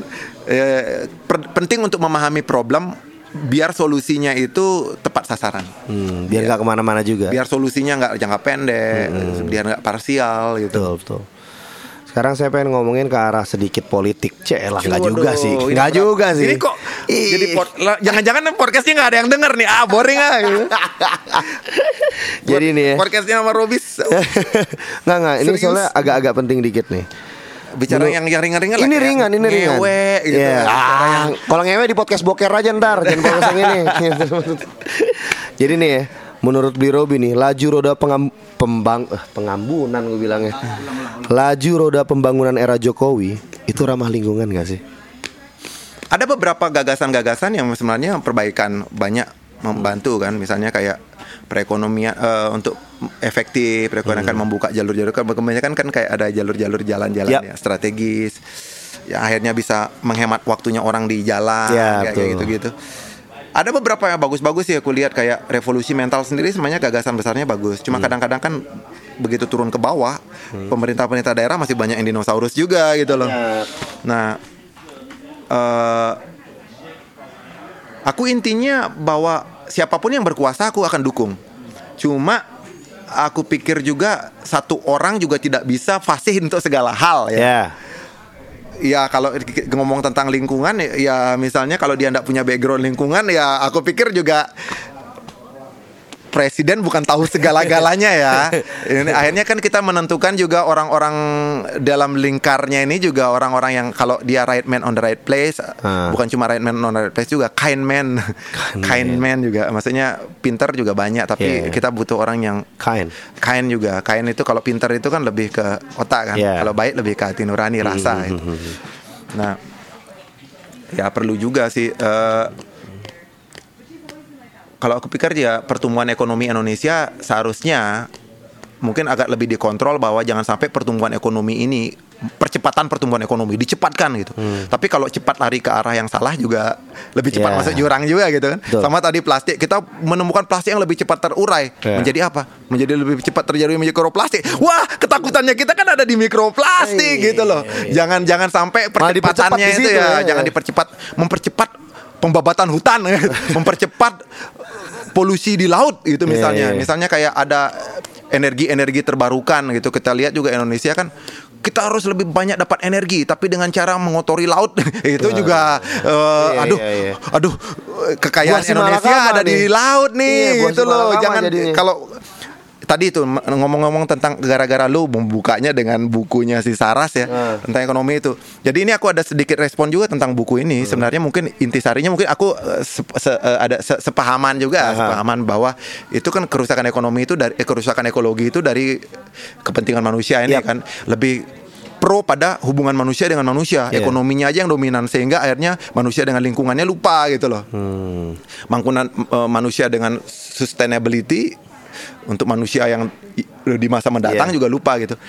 Menurutku kegiatan yang ngomong tentang politik ini Iya. berhubungan dengan bukunya tadi Iya. itu. Kegiatan ekonomi ya, Heeh. tujuannya ini adalah untuk mencapai kemakmuran kan.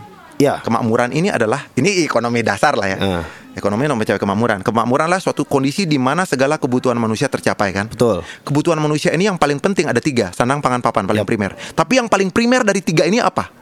Kalau nggak ada itu mati lah. Pangan lah. Pangan, makanan, kedaulatan pangan lagi Iya, kan. iya. Pangannya kita itu tumbuh dari mana? Apakah pangan tiba-tiba sintetik tumbuh dari pabrik enggak? Pangannya kita tumbuh dari tanah, dari, alam, dari laut. Iya. Makanan bahan bakunya ini pangan ini kan dari alam kan? Iya, dari alam semua. Kan? Benar kan? Ekonomi alam. Kaitannya kan ekornya kan? Iya, iya, iya, iya. Berarti kegiatan ekonomi yang menghancurkan oleh alam adalah kegiatan ekonomi yang dia lakukan oleh orang-orang yang tidak paham ekonomi. Oh, benar sekali. Di iya. goal ekor daripada ekonomi Goal, adalah goal. pelestarian alam. Iya, iya, Karena iya, yang iya. paling penting adalah pangan. Iya, benar, benar. Yang Gua- paling primer daripada primer. Jadi kaitannya dengan kedaulatan Nah. pangan, politik, buku yang lu buka Nah. tadi adalah kegiatan ekonomi yang menghancurkan lingkungan adalah kegiatan ekonomi yang dilakukan oleh orang-orang yang tidak paham ekonomi. Apaan lagi itu, Bob? Gue baru tahu sekarang, baru nyadar sekarang nih pas pas dia ngomong gue. Oh iya juga ya. Sorry ya, itu quote quote-nya aku ya, ntar ya. Iya.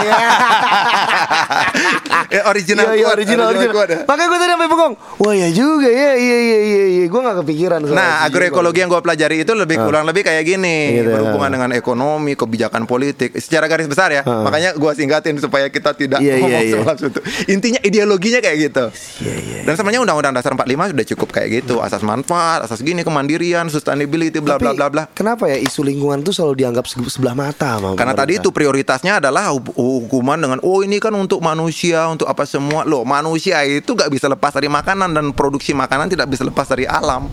Hmm. Jadi ngomong manusia dengan menghancurkan alam nonsen, bullshit gitu loh. Itu hanya alih-alih agar pembenaran aja, agar produksi bisa terus dilakukan gitu. loh. Ya, gila gila gila cokop cokop. Dan produksi ini juga menguntungkannya hanya segelintir orang, bukan masyarakat banyak gitu. Oke. Sekarang kita mau balik lagi ke lagu nih. Cie, waduh. Dari politik ke lagu Ke ya. hakikat. Tempang banget kan ya. Gila. Politik. Lagu politik nih, lagu ketika bumi terus bergerak, Bali berani berhenti. Balada Ketika semua semakin cepat, Bali berani berhenti. Nah, Gimana tuh beli? Tadi itu sebenarnya ya, gagasan tadi itu Hmm. percepatan pertumbuhan ekonomi. ketika semua semakin cepat dia kembali kayak Iya. eh wait, wait, wait, tunggu dulu rem Bali berhenti dulu nih. review dulu Iya. kita review dulu apakah kita berlari cepat ke arah yang benar atau mau berlari ke arah yang jurang ini Iya, perlu kita mereview. Review lagi. Jangan mendadak fanatisme buta lu Ah. semakin cepat Ikut, gitu ya. ikut. Oh, ini adalah segala yang diomongin adalah benar. Eh, tunggu dulu, tunggu dulu, Ah. tunggu dulu. Ada banyak sekali perspektif-perspektif yang tidak boleh pro- politikal termasuk agama yang tidak boleh pragmatis gitu. Nggak harus ada banyak sekali kebijakan-kebijakan lokalnya kita yang sebenarnya ini kan kebijakan Bali berarti itu kan karena aku orang Bali kan. Iya. Itu aku ngambil sampel dari hari raya Nyepi. Nyepi. Itu satu-satunya di dunia loh. Iya. Yang kayak 360 hari kita satu hari break dulu deh. Hmm. Pause tidak ada list penggunaan listrik, tidak bahkan airport internasional aja berhenti. Iya, berhenti. India pun kayak gitu ya. Di mana? Enggak, enggak, enggak, enggak. Di India pun enggak kayak gitu. Di Bali Hanya cuma di Bali doang yang satu kali ya. 24 jam berhenti satu pulau. Dan kalau dipikir eh, secara ekonomi kalau Ah. orang ekonomi ya, orang ekonomi yang enggak mengerti ekonomi Hmm. bilang, "Itu duit rugi loh, berapa triliun tuh rugi, enggak Ah. ada produksi." Eh, bukan kita ngomongin tentang hitung-hitungan lu yang lu pelajari di buku CBSA. Ah. Maksudnya Di buku pintar Iwan Gayo. Iya, maksudnya ini kita ngomongin tentang ke- keuntungan ekologis yang Ah. lebih holistik. Ya pasti kan ketika Bali sehari aja itu pasti polusi turun. Segala macam Hmm. Polusi turun. Itu turun. udara lebih sini. Soalnya Betul, kemarin ke- menghemat listrik berapa kita karbon kan? minggu lalu Jakarta sok-sokan ikutan Bali nyepi. Hmm. Mati lampu tapi dua hari itu dampaknya benar-benar 180 derajat beli. Kita dari yang posisi dua eh, itu penyebab kan polusi gara-gara rencanain jadi posisi 13 Hmm. dan pada saat itu Jakarta lebih lebih enak lebih dingin cuaca lebih ya itu ambil positifnya pada saat itu wah terus kita mikir gila ya di Bali nyepi Jangan-jangan yang teori konspirasi. Gara-gara kemarin digugat Iya, polusi. iya. Nih, lu mau yang anti polusi Ah, ini nih. nih, Enggak, ini enggak, anti polusi enggak. matiin semuanya. gua negatif thinking aja. Soalnya as- alasan pohon sengon nggak masuk di akal. iya lagi nyalain pohon sengon lagi ya ampun kenapa ya aku kalau aku kalau dagelan-dagelan kayak gini Oh, aku sih malas-malas ngikutin aku Iya, makanya aku sempet nyalain pohon sengon men gokil gak tuh Maksud maksud eh, masuk di akal nih kalau di logika logika sehat gitu Logika ya. sehat, Ah, ya. Tapi anyway, whatever lah. Indonesia perlu bahan Twitter Twitter. Iya, SJW, SJW. Anyway, maksudnya ya so far eh ya intinya adalah kita melakukan ini juga aku melakukan ini juga karena ke- kepedulian kan. Yap. Aku punya anak, aku punya keluarga, aku punya standar hidup. Yap. Aku pingin kalau aku hidup ada ada daerahku, desaku tidak terlalu polusi, langitnya Ah, asik ini kan. langitnya asik. Udara Menurutku- sejuk lagi. Iya, menurutku bahwa lu punya gaji yang tinggi karena u- ukuran ekonominya Indonesia adalah pendapatan gitu kan. Iya. Tapi eh, tiap hari lu makan mie instan, Ah. tiap hari kualitas udara lu kotor, aku pikir "Wah, itu bukan kaya kekayaan itu kekayaan kualitas semu, Semu. itu Semu. kemakmuran semu gitu. Ini kita di sini udah jam 3 terik tapi udara sejuk sekali ya di sini. Ya syukurlah maksudnya. Aku juga tidak tidak melulu ini bukan gara-gara bukan gara-gara gerakan individual ini gerakan kolektif. Ya ada juga rem-rem lokal adat kalau di Ada Bali ya. kan yang yang ber- dari dulu apa namanya masketir ya, ya. masketir yang bergerak di bidang adat untuk menjaga jangan sampai melulu ekonomi untuk manusia tapi juga adat ekonomi untuk alam kan kita ada ya. cerita karana itu kan Ya. semboyan Mak- ekonomi jalan, cukup makan, cukup tabungan, cukup pintar. Cukup pintar. kan ada ada ada tiga naga nih di dalam Ah. arsitektur Bali kan Ananta Boga, Anan, naga eh, Basuki dan ada Taksaka kan Ananta Boga cukup kenyang, Iya. Boga kan. Boga.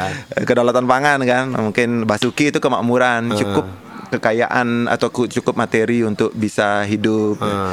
Nggak, nggak kaya nggak miskin ya bercukup berkecukupan lah gitu. Iya. Dan juga ada taksaka, maksudnya ada ada intelektual. Kalau lu pinter tapi lu lapar, ru kasihan, rugi Iya. juga, nggak akan sustainable. Maksudnya lu pintar tapi lu miskin juga aja Iya. nggak nggak sebalance gitu loh. Gampang terkooptasi juga. Iya. Nah, tapi kalau lu kaya tapi lu blow on juga juga Jangan juga, juga. bazir juga gitu loh. Jadi harus balance. Harus balance semuanya. Hmm, Gandhi kan pernah bilang gitu kan. Gak usah ngomong politik atau dan agama kalau perut lu kosong kan. Iyalah, percuma, percuma. Nah ini salah satu pertanyaan terakhir nih, dan gue pengen nanya tentang kopi. Soalnya kan Apa? Kopi, kopi. Kopi kopi. Iya, soalnya di Robi ini kan kopi banget nih. Petani kopi, petani, Petani kopi lagi, yang literally petani kopi gitu loh. Kopi Warisan, tubruk warisan. tapi ya. Kopi paling suka tubruk ya. Aku karena kebiasaan, aja Kebiasaan. kan. Maksudnya karena dari kecil aku hidupnya dengan kopi kayak gitu. Ya aku tergantung kadang-kadang kalau kedai kopinya ke barat-baratan ya aku pesan yang ke barat-baratan juga suka juga. Maksudnya ya cappuccino atau yang aku main-main misalnya ke oh ini punya kopi Vietnam drip yang enak aku belikan kopi. Ah, Kalau aku jalan-jalan ke Vietnam aku cari kopi Vietnam lah. Tapi kalau aku di rumah sehari-hari, aku pulang kampung, kopi yang paling enak ya kopi tubruk yang bikinan rumah, yang bikinan Taruh air panas, taruh kopi, aduk. aduk dan rasanya udah familiar kita. Nah. Maksudnya kita juga punya cita rasa sendiri-sendiri kan. Nah, di kopi ini nih sekarang kebetulan lagi menjadi tren dalam tanda kutip Dalam enam tahun terakhir ya. dalam enam tahun terakhir. Kedai kopi di mana-mana. Iya itu bahkan aku baca sampai peningkatannya itu sampai 55 persen. Iya, itu orang berani beli mesin kopi 80 juta, padahal Iya. kop- kedai kopinya cuma berapa meter kali berapa meter gitu gitu. Sampai ada yang bilang tiap tiga bulan muncul kedai kopi baru. Ada, sampai eh bener itu bener, apalagi di Jakarta, di Bali juga kan kayak gitu kan. Nah, kalau di Bali sih sebenarnya enggak terlalu ikut terlalu hype. gitu ya? Ya ada ada yang di generasi milenial milenial Ah. ikut hype. Tapi sebenarnya gimana ya? Karena aku dari dulu tinggal di Bali ya. Nah.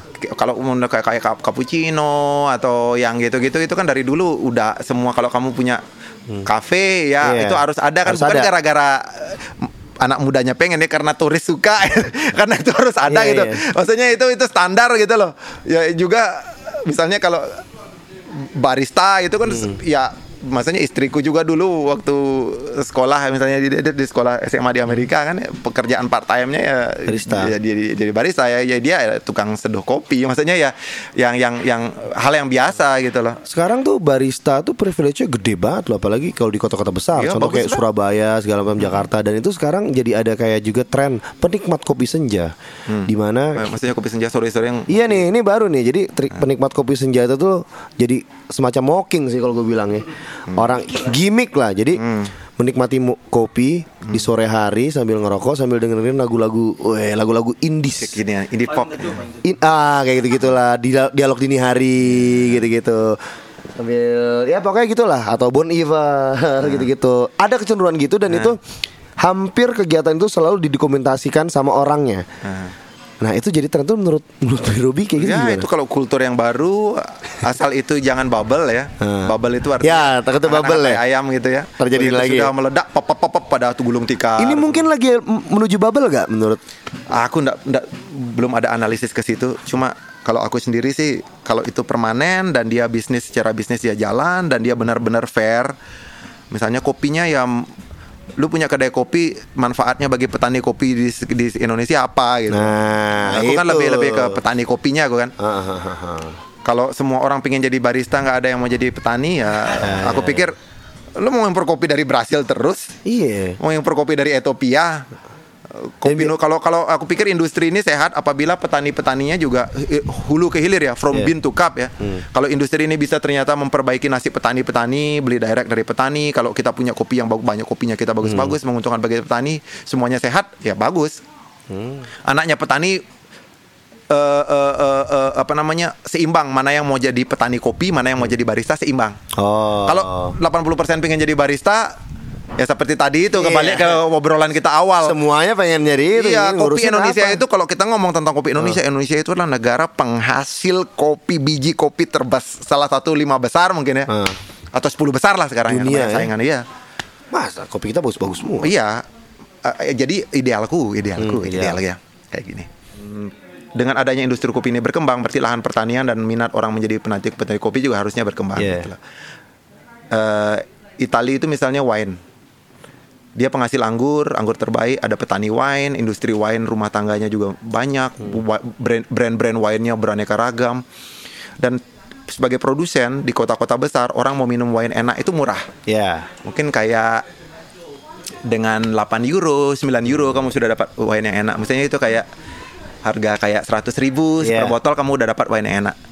Yang mana kalau wine itu dibeli di Indonesia harganya bisa 600 ribu, Iya. bisa 800 ribu. Iya. Wine seenak itu ya, yang di situ harga eh, 100 ribu lah. Ah. 60 ribu ki- di di di, di eh, aku juga pernah ke ada teman Ah. keluarga tinggal di Italia itu aku waktu aku di situ aku makan malamnya ya, wine-nya kayak makan malam kayak kita ya kayak kita minum teh botol Iya, iya. Tapi wine mah itu ya. ya biasa karena murah gitu Iya, loh iya. petaninya wine-nya wine lokal murah gitu jadi dia murah karena apa? Karena dia punya ladang wine. Hmm. karena dia punya penghasil wine. Nah bagaimana dengan kopi? Italia tidak punya kopi. Mm-mm. tapi kalau aku eh, ke Italia atau ke Belanda dulu kan sempat sekolah Hmm. beasiswa ke Belanda juga kan. Pagi-pagi minum kopi kita gitu kan biasa. Harganya ya 2 euro 3 euro. Itu mungkin sekitar 40 ribu. 30 ribu 40 ribu. Karena dia nggak punya kopi kan ya sed- sedikit lebih mahal lah Ya sedikit lebih mahal nah begitu balik ke Indonesia kita compare lah antara wine dan kopi kita punya kopi nih Punya kopi tapi kok mahal, Mahal. amat Iya, kopi mahal. maksudnya. Iya, iya, ya ada sih pilihan kopi-kopi murah sih menurutku yang sih ideal emang. idealku orang Indonesia ngopi sama kayak orang I- orang Itali Itali wine. wine gitu kalau di sini kita beli wine mahal soalnya Iya, gitu loh betul. Kalau kita di sini kopi tetap mahal. Nah, kalau kopi te- ah, ini ini menurutku yang ideal. Ini ini hanya komparasi. Aku tidak berani menjudge. Cuma aku lihat dari ketimbangan ini, penghasilannya mereka gede. Beli kopinya 25 ribu, 30 ribu, 40 ribu. Iya. Kita di sini penghasilannya cuma 2 juta penghasilannya kita. Iya. Tapi beli kopi mahal gitu misalnya. Nah, make sense. Ya, kalau beli wine mahal oke lah karena Ya. kita impor kan. Kecuali kita bikin wine sendiri. Syukurnya Bali punya wine sendiri yang terjangkau kan. Hmm. Iya, udah dari dari anggur lokal. Iya. Nah, kalau kopinya kita lokal, Ah. seharusnya kopi bukan barang mewah dong, Iya, gitu loh. iya, kalau lu jadi penikmat kopi senja ya karena tiap sore di kampungku juga break orang petani yang minum kopi gitu. Biasa aja jadinya itu. Iya, maksudnya ya, kopinya juga enak, nggak perlu ya something yang biasa lah gitu loh. Misalnya kalau kita juga sama negara penghasil nira juga kan. Iya. Seharusnya juga Arak murah. mau mabok kok mahal, mau mabok kok mahal, gitu. mau ngopi kok mau susah gitu. Iya, seharusnya ya, menurut ideal gue kayak gitu ya. Iya, iya, iya, kita iya. hanya bisa disebut makmur. Itu bukan gara-gara kita bisa beli kopi mahal. Kita disebut makmur kalau kita memang tiap hari bisa ngopi enak. Nah, Bukan gara-gara mampu beli, tapi memang ada, di ada. meja makan kita. Oke itu adalah kata-kata terakhir dari uh, Gede Robi terima kasih udah nemenin kita di sini selama sejam kurang lebih ya. Gila,